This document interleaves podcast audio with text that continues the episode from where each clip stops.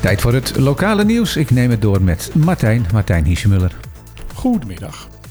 Goedemiddag. Een motie om antikoloniale vrijheidsstrijders een plekje te geven in het Nederlandse geschiedenisonderwijs is niet aangenomen. Nee, het is een motie die ingediend is door Sylvana Simons.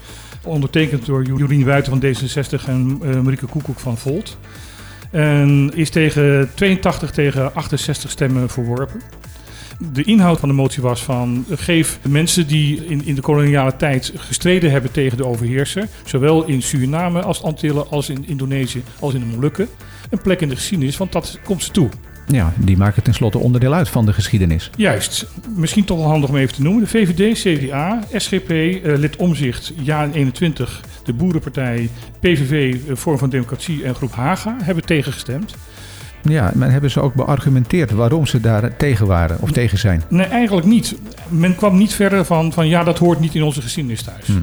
Uh, dat Nou, is de geschiedenis, de geschiedenis van de Antillen en niet de geschiedenis van Nederland. Terwijl ik dat een beetje apart is. Absoluut. Je kan zeggen van het is jammer dat, ze, dat er tegengestemd is, maar ze kwamen maar acht stemmen tekort. En dat is eigenlijk minder dan ik verwacht had. Dus wellicht dat het in de toekomst nog een keer op de tafel komt en het dan wel wordt aangenomen Ja. als de verhoudingen wat anders liggen. Op Bonaire is er een eh, nieuwe CAO voor Fundación Cas Bonaireano.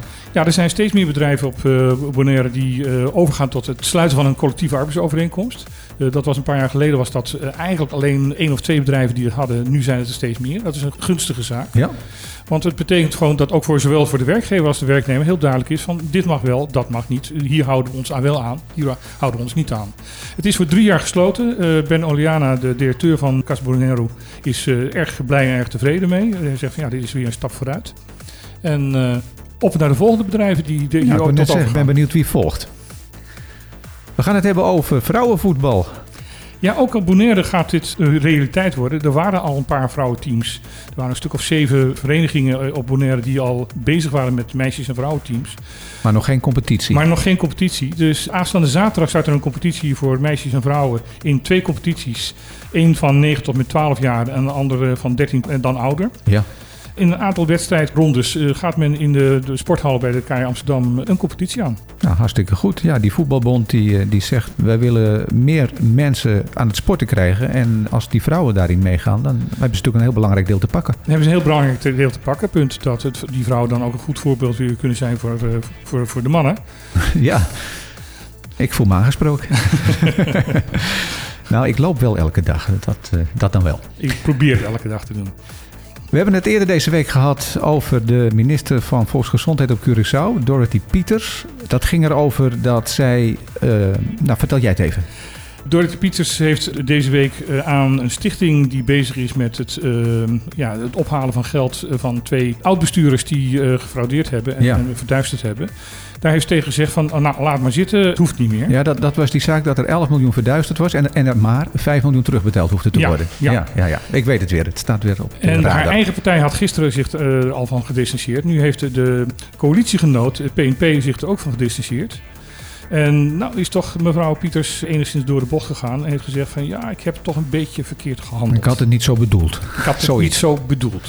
Ja, En ze verdedigt zich ook nog door te stellen dat ze wilde onderzoeken of de zaak ook buiten het gerecht op behandeld kon worden. ja, ja maar dat, eh, dat argument komt nu pas achteraf. Ja, niet alleen, maar behandeld worden. Eh, zij heeft gezegd van stop er mee. Ja, ja. Nou, in ieder geval is teruggefloten.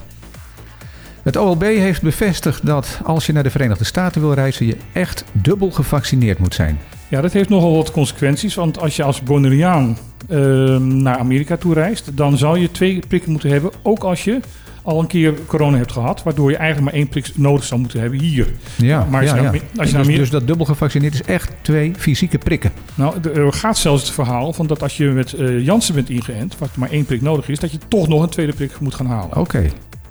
Met een ander vaccin. Is dat iets wat nu net aan de orde is? Want ik ben zelf eh, afgelopen week nog even in de VS geweest. En volgens mij eh, konden toen ook ongevaccineerde mensen nog eh, met een test de Verenigde Staten binnen. Dit is iets wat ze de afgelopen dagen dus... Oké. Je hebt net geluk gehad. Ja, nou ja, ik ben dubbel gevaccineerd, dus ik, ik mocht sowieso naar binnen.